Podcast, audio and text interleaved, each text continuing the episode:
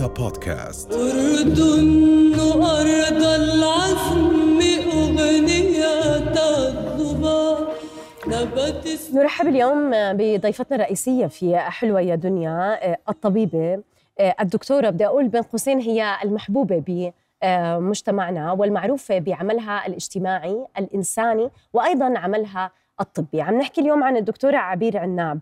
بدنا نعرفها بأنها الناشطة الاجتماعية وأيضا الطبيبة. أهلا وسهلا بك دكتورة عبير. شرفتينا صباح النور عليكم. أهلين فيكي.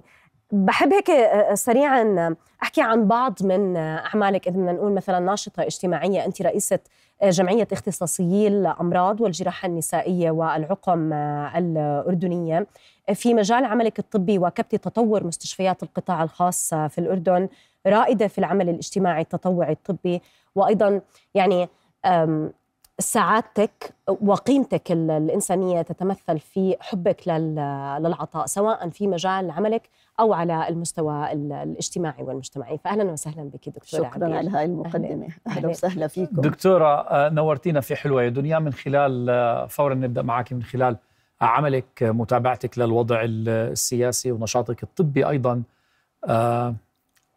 والاجتماعي على أرض على أرض البلد. أكيد في عندك معلومات عما يجري في غزة حول النساء الحوامل أعداد الولادات اليومية وضعهم الصحي حجم المعاناة اللي موجودة. فيا ريت تضعينا بالصورة. في حوالي حوالي عندنا 60 ألف سيدة حامل بالقطاع. في عندنا حوالي 6000 حالة ولادة شهريا. عندنا حوالي 180 حالة ولادة يوميا. بتوقع يكون من 15 ل 20% عندهم مضاعفات للولادة بسبب غياب برامج الرعاية الصحية للحوامل. لأنه المرأة الحامل بتبلش أنت تهتم فيها قبل ما تحمل بتاخذ الفوليك أسيد وبتحمل وبتكمل الحمل. وإذا في مضاعفات أنت خلال الحمل بتعالجها مشان توصلها توصلها لمرحلة إنها تولد في بيئة صحية مناسبة وتطلع هي بصحة منيحة ومولودها بصحة منيحة بصحة جيدة. هلأ الحروب والكوارث والنزوح من منطقة لمنطقة عملت كثير ستريس وتوتر على المرأة الحامل. فأدت إلى زيادة في نسبة الإسقاطات عند المرأة الحامل.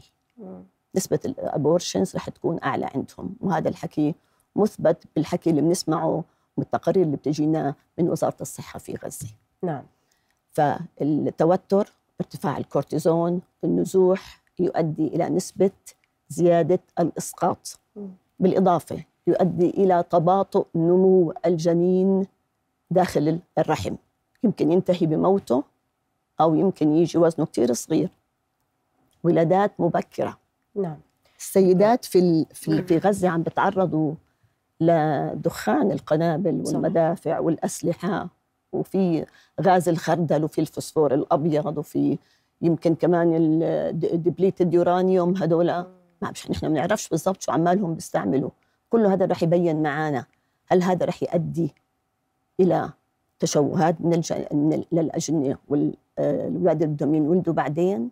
هل هذا استعماله إذا المرأة مش حامل رح تؤدي لعقم عند الرجال وعند السيدات؟ انفصام المشيمة في حالات كثير انفصام مشيمة. بسبب التعرض لهذه الغازات واستنشاقها. فهاي بتؤدي إلى نزيف ونزيف معناته في عندك مشكلة عند المرأة الحامل وعند الطفل اللي بده ينولد يمكن يؤدي إلى موته. يعني حال الحوامل في غزة زي أيام العصور البدائية اليوم. بالضبط. لا دواء ولا رعاية ولا أي ولا أي شوف بس العصور البدائية كان في طبيعة. في في أرض خصبة في طبيعة في في أكل صحي. في أكل صحي. آه. هذا مش موجود طبعا plus بالإضافة إلى الأمراض السارية والمعديه هلأ ال hepatitis A معبيه المنطقة مم. هناك وهلأ رح تيجي الكوليرا. صح. أمراض سارية ومعديه إذا هي انصابت فيها هي رح تكون وضعها سيء واللي جوات بطنها كمان بده ي... بده يتأثر. فالوضع كارثي. ولما نيجي على حالات الولادة فيش محل تولد فيه.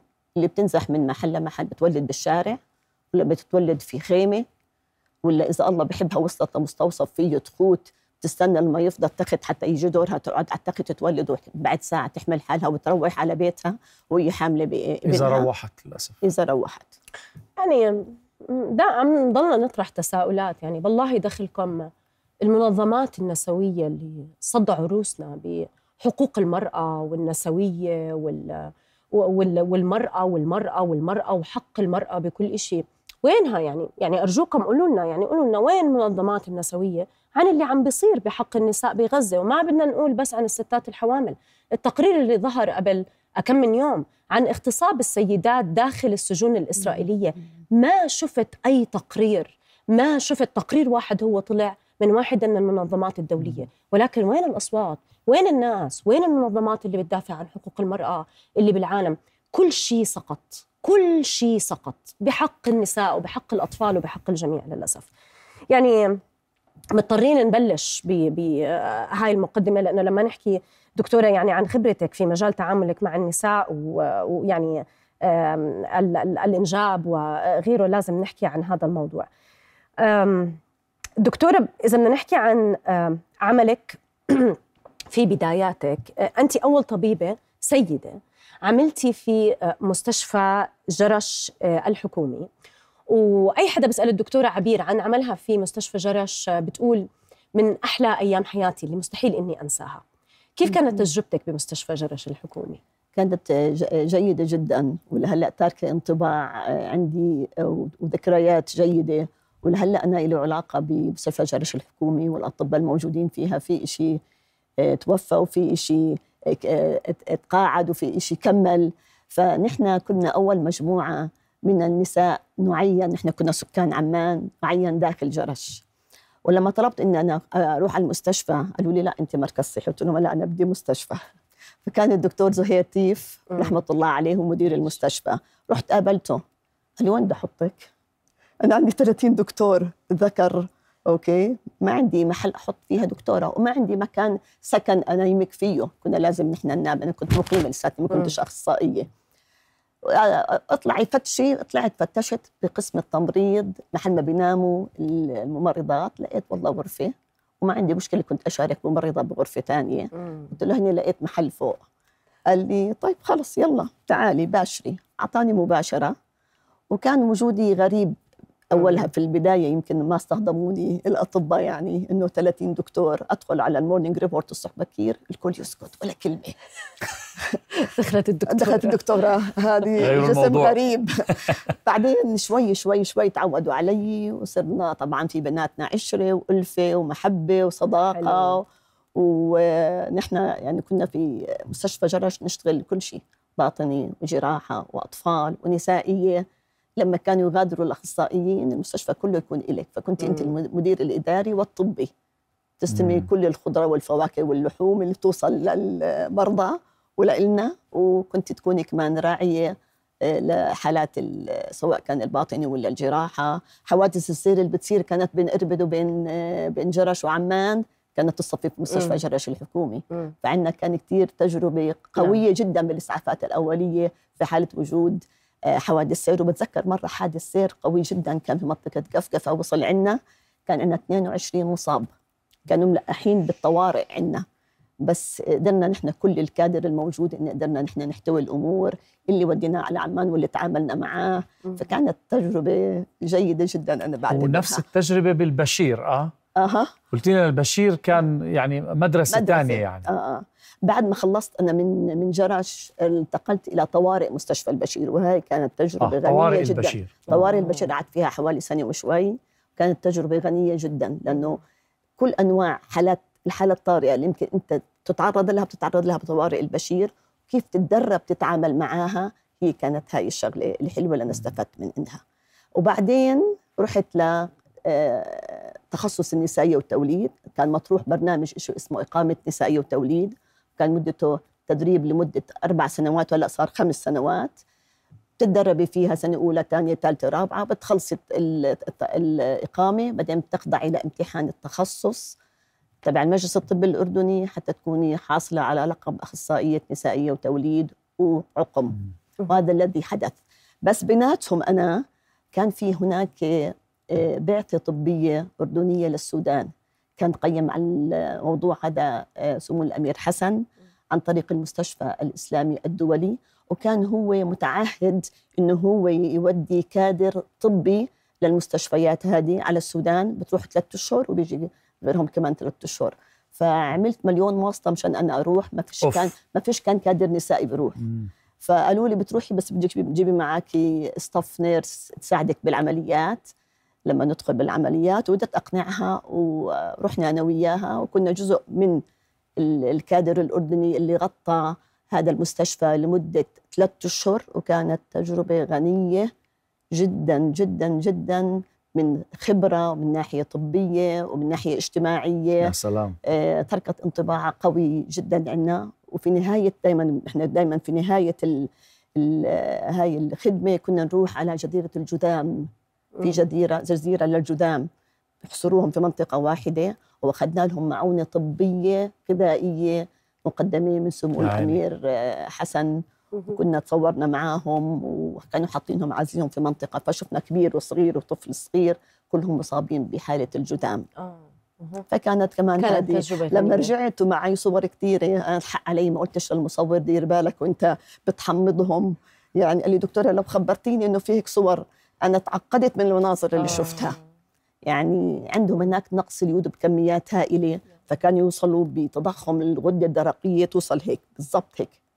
okay وفي عندنا تضخم إيش اسمه elephantiasis تضخم بالإجرين الإجر تكون هذه اصابه طبعا هاي كلها إصابات آه، يعني شفتي آه، العجب التهابية. العجاب. نعم نعم. طيب هلا أهالينا بيحكوا آه، خريجين بغداد بالزمانات يعني متينين كويسين. وإحنا اللي علمونا إعلام يعني يمكن كنا محظوظين إنه من الجيل القديم اللي تعلم آه، في بغداد أيضا.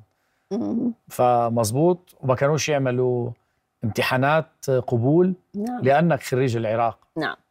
هلأ آه، كلية الطب في جامعة بغداد تأسست 1927 كان اسمها كلية الطب الملكية العراقية. شوف قديش سنة ال 27 وكانوا المشرفين عليها هو جزء من المملكة المتحدة مع طبعا أطباء عراقية. وكانت يعني آه، يعني مغذية من ال- الأساتذة والأطباء الموجودين في المملكة المتحدة في برامج التعليم وإعداد الأطباء حتى يتخرجوا. فأنا رحت آه، آه، هناك درست الطب ست سنوات قعدت وكان اللي يتخرج من بغداد على وقته لا تغير الوقت يعني كان معفي من امتحان القبول لإتمام التخصص داخل المملكة المتحدة لأنهم هم عارفين مستوى الطبيب المتخرج من بغداد كيف هو وكيف تعلم وكيف تأسس ونحن لما كنا نرجع على الأردن ونقدم امتحان الامتياز. خريجين العراق بلا منازع هم الأوائل من الدفعة اللي بتخرجوا من امتحان الامتياز يا سلام وهلأ شو الوضع؟ هلأ الوضع تغير للأسف يعني أنت عارفة هم بال- بالحروب اللي خضعوا لها هجروا كثير من الطاقات ال- الطبية و- وغيرها مش بس هيك يعني بالهندسة وال- والذرة يعني هجروا المنطقة. ونحن استفدنا من وجود هدول الأطباء هم أسسوا كليات الطب عندنا في مؤتة في صحيح. الهاشمية في اليرموك في العلوم التكنولوجيا ال basic science كله في مست- في مستشفى الجامعة الأردنية كلية الطب كانوا كانوا أطباء عراقية. التشريح والفسيولوجي وال- وال chemistry وال biochemistry وال- كله كان أطباء من العراق فهي. كانت طاقات فذة تم تهجيرها وإفقارها من العراق والعراق هلا عم بيحاول يرجع وإن شاء الله الله بنصره وبرجع وبأسس وبرجع زي ما كان أنا كنت عندهم قبل كم من شهر كان في عندهم مؤتمر طبي وطلبوني كمتحدثة فأنا بلشت ال- الحديث تبعي بصورة التخرج تبعي في كلية أوه. الطب فكلهم انبهروا يعني. يعني فأنا بقول لهم أنا يعني أنا يعني اي اول العلم تبعي لإلكم. للعراق وأنا هلأ شو أنا منكم. كان ف- كان في خيارين عند كان في إلك خيارين. قبل ما تروحي تدرسي بالعراق آه. كان عندك كمان خيار آخر اللي هو روسيا. كان عندي آه طلعت لي بعثه عن طريق الحكومة الأردنية إلى روسيا لكن آه، تم اختيار تم اختيار وتوجه عائلي من أبوي. إنه لا يعني خليكي في منطقة عربية قريبة وأنت شو كنت مفضله روسيا ولا ولا العراق بهذاك الوقت يمكن العراق يمكن آه. كنت هايبة أطلع على روسيا يمكن مشان اللغة أيوه أيوه اللغة العراق والبعد بدرسوا ال ال المسافة. آه، يعني مش كتير كتير بعيدة بس يعني لا هي اللغة يمكن مين اللي كانت ال والبرد بتخيل كنت خايفة. منهم هدول الشغلتين بضلها يعني العراق ممكن ندرس بالإنجليزي طبعا بالعراق. حلو. رح أبدأ معك بهذا السؤال نحطها بين قوسين هذا المسمى الإعلام الطبي. قديش إحنا الآن عم نعيش بحالة من الفوضى؟ آه، من فقدان المعلومة الصحيحة تضارب المعلومات خصوصا مع هذا التطور اللي إحنا عم نشوفه عم بيرتد سلبا على من خلال ال social media عم بيرتد سلبا بتخبط المعلومات. أي شخص ممكن الآن يطلع عم بحكي إذا على مستوى الأردن مع احترامي لهم ممكن يكون مختص ممكن يكون مش مختص.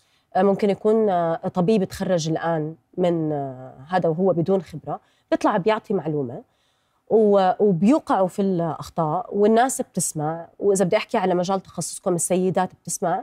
ولما توقع الوقعة وتصير المصيبة والمشكلة بيروحوا لذوي الاختصاص اللي لهم خبرة طويلة بمجالات النسائية والتوليد إذا بدي أحكي على هذا المجال. وبعديها أحيانا ممكن إنه يتم إنقاذ هذا الشخص واحيانا للأسف بيكون الخطأ كثير كبير ومش ممكن يكون في آه، إنقاذ أو علاج للمشكلة. رح أرجع لفكرة الإعلام الطبي. كيف إحنا لازم نتناول موضوع الإعلام الطبي من ناحية الرقابة؟ شو عم بينحكى المعلومة اللي عم تطلع من هذا الشخص للناس. آه. بالنسبة للإعلام الطبي بالنسبة للدعاية على ال social media للأمانة هي لا ترتقي إلى المستوى اللي أنا كنت حاببته تكون فيها الوضع الطبي داخل الأردن. م. للأسف يعني ما فيش في رقابة.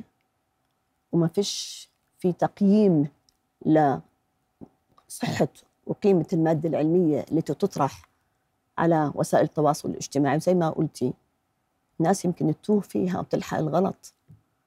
فإحنا هلأ داخل نقابة الأطباء ومن مجلس النقباء إن شاء الله ومن آه، في عندنا شيء اسمه لجنة حماية المهنة. القائمة عليها الدكتورة مها فاخوري والدكتور طارق التميمي برعاية مجلس النقابة والنقيب الدكتور زياد الزعبي. هلأ عم بوضعوا تعليمات للإعلان الطبي من ضمن قانون نقابة الأطباء حتى يحرصوا على أنه ما بطلع إعلان طبي غير يكون مارق على نقابة الأطباء وماخذ الموافقة قبل إنه يصدر. وانت فيكي في عندهم شيء اسمه إعرف طبيبك.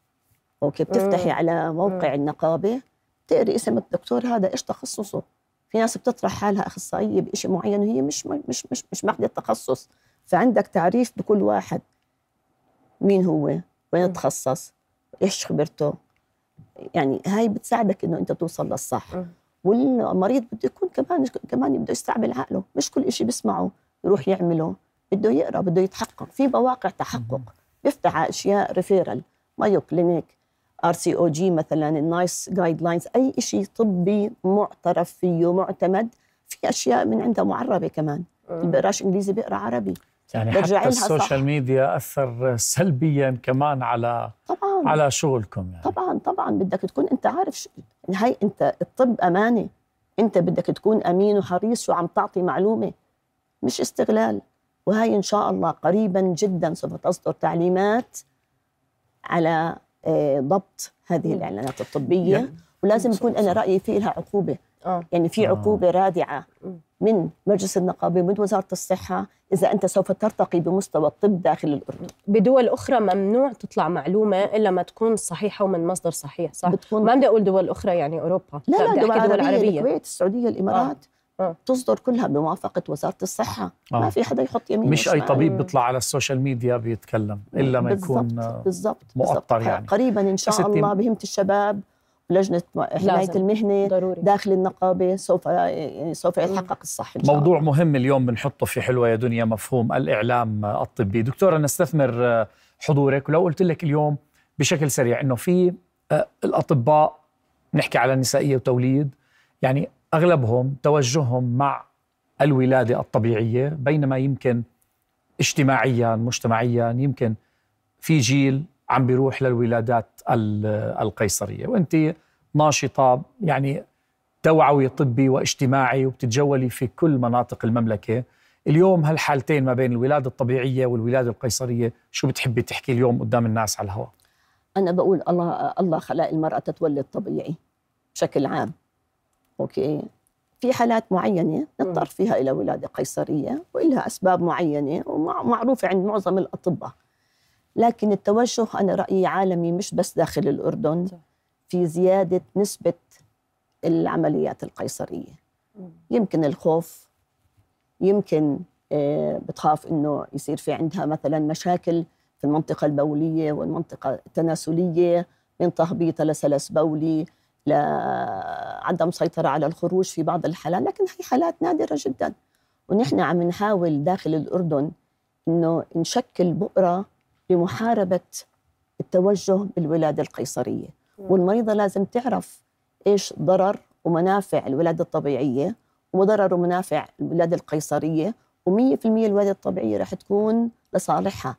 الولادات القيصرية المتكررة في بعض الأحيان بتخلق مشكلة اسمها التصاق المشيمة أو المشيمة المتقدمة وهذه تؤدي إلى نزيف بعد ولادة الطفل ومحاولة إزالة المشيمة يمكن تفقد فيها وراها الرحم ويمكن تفقد حياتها نعم. يمكن تدخل ICU يمكن تاخذ تاخذ آه، أنواع مختلفة من مشتقات الدم البلازما والصفائح وال آه، يعني والخلايا شو يعني النسبة دكتورة؟ عندك نسبة؟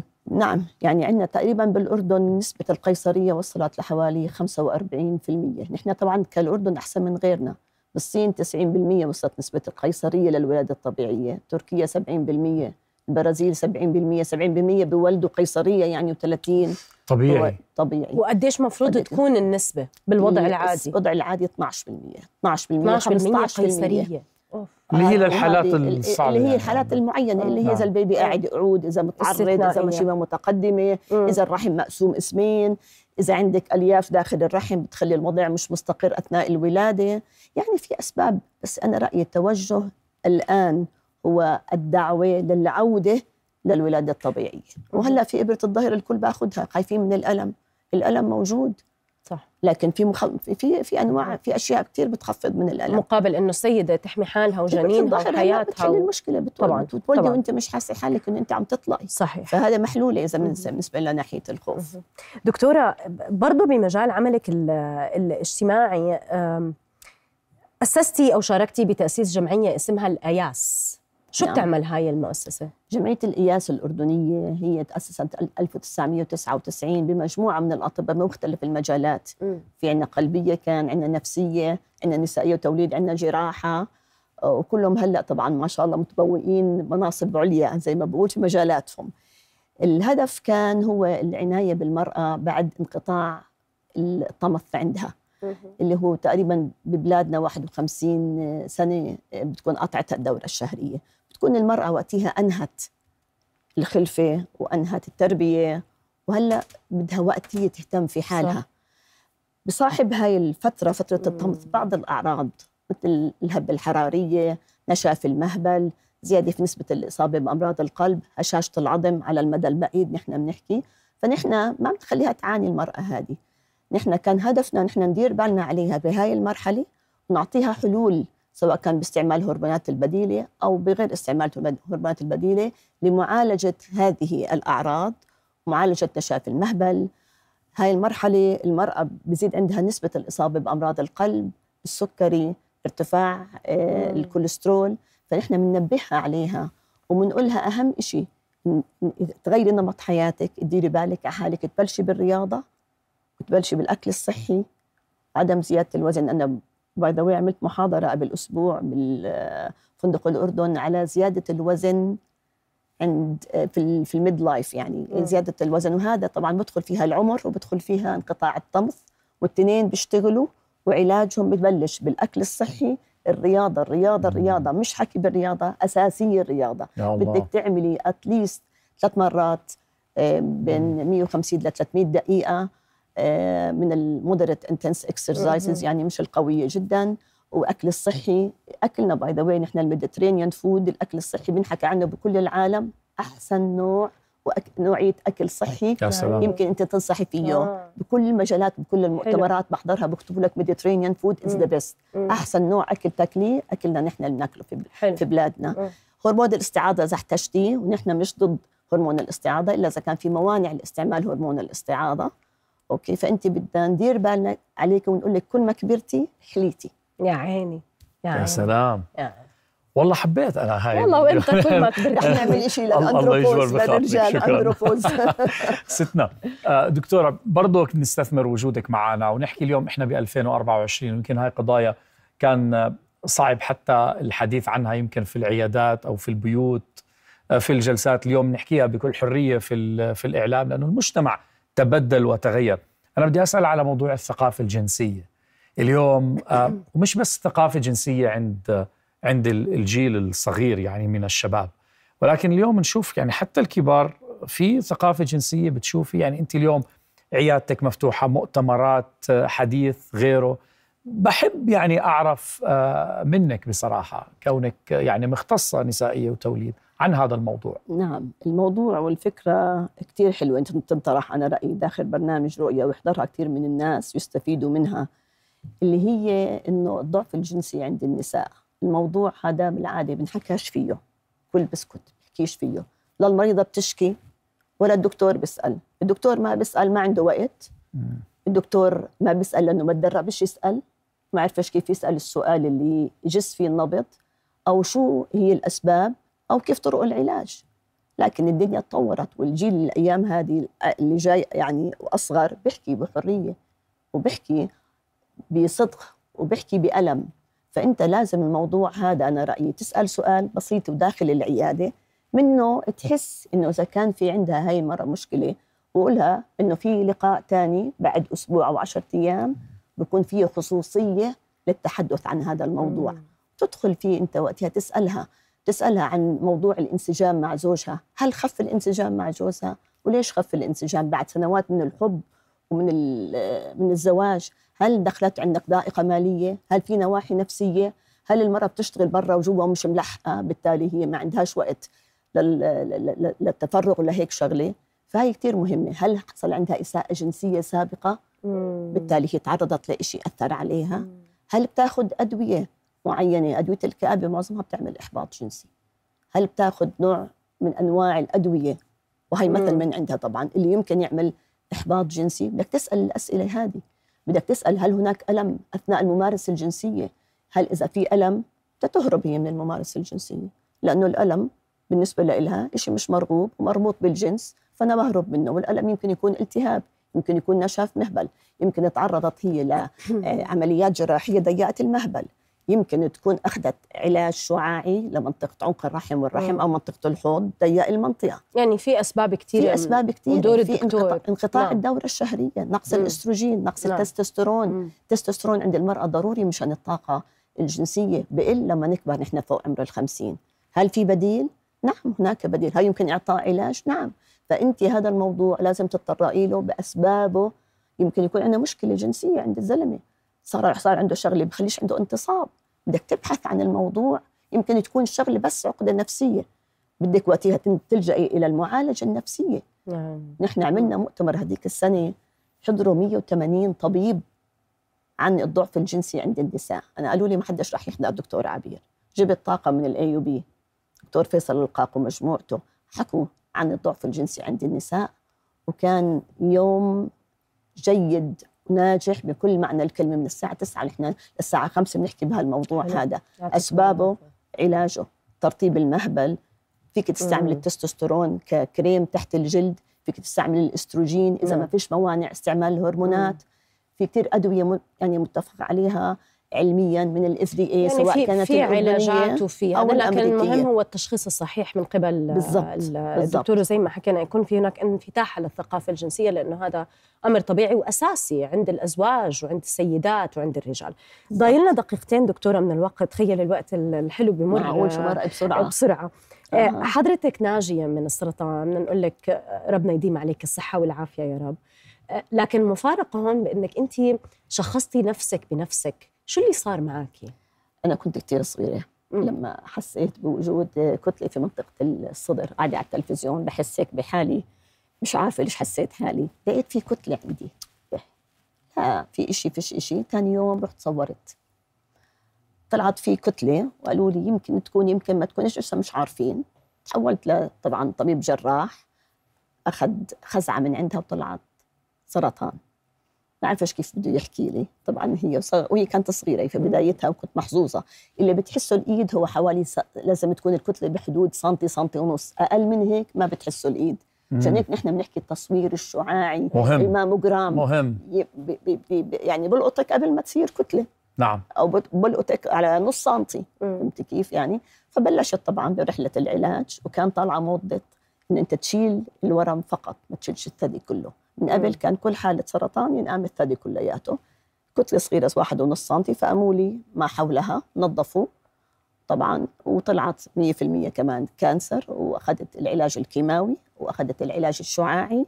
بعدين أخذت العلاج الهرموني لمدة سبع سنين ونص وأنا إلي هلأ 21 سنة أو داخلة على 22 سنة ناجية من سرطان الثدي. وشكلنا شيء اسمه سند جروب مجموعة مم. سند في مركز الحسين حتى نحن نقدر نسند السيدات اللي بنصابوا بسرطان الثدي لأنه هي لما تشوفنا قدامها قاعدين ثلاثة أربعة كنا ناجيات من السرطان وهي هلأ متلاقيه الخبر إنه عندها هلأ سرطان.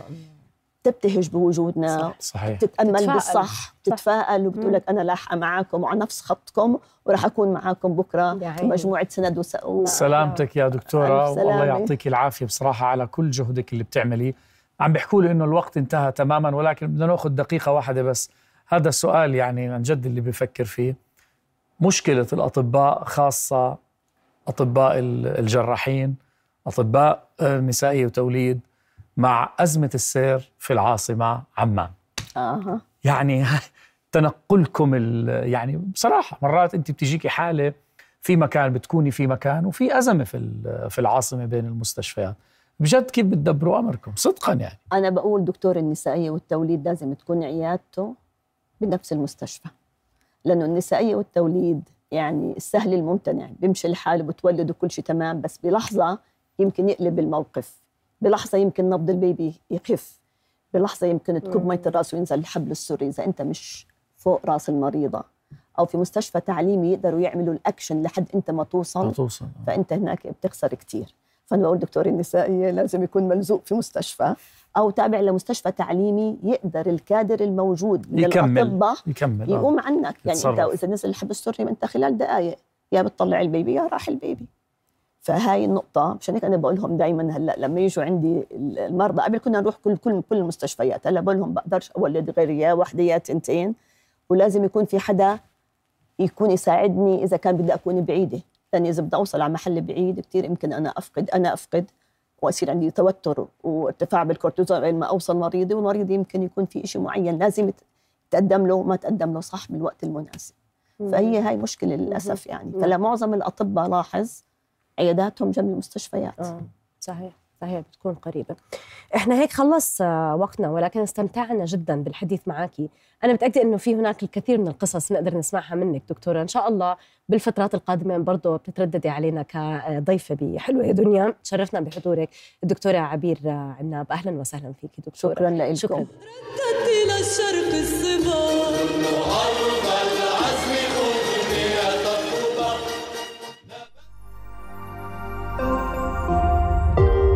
رؤيا بودكاست